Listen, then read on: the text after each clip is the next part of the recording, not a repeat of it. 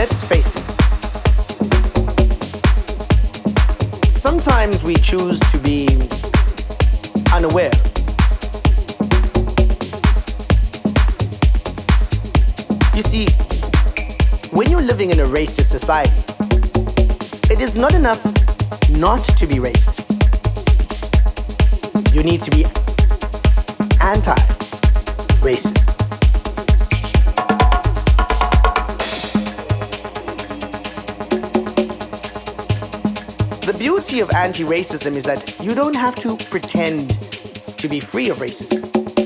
You are instantly emancipated from it. Because anti racism is a commitment to fight racism, to fight it wherever you may find it. including yourself.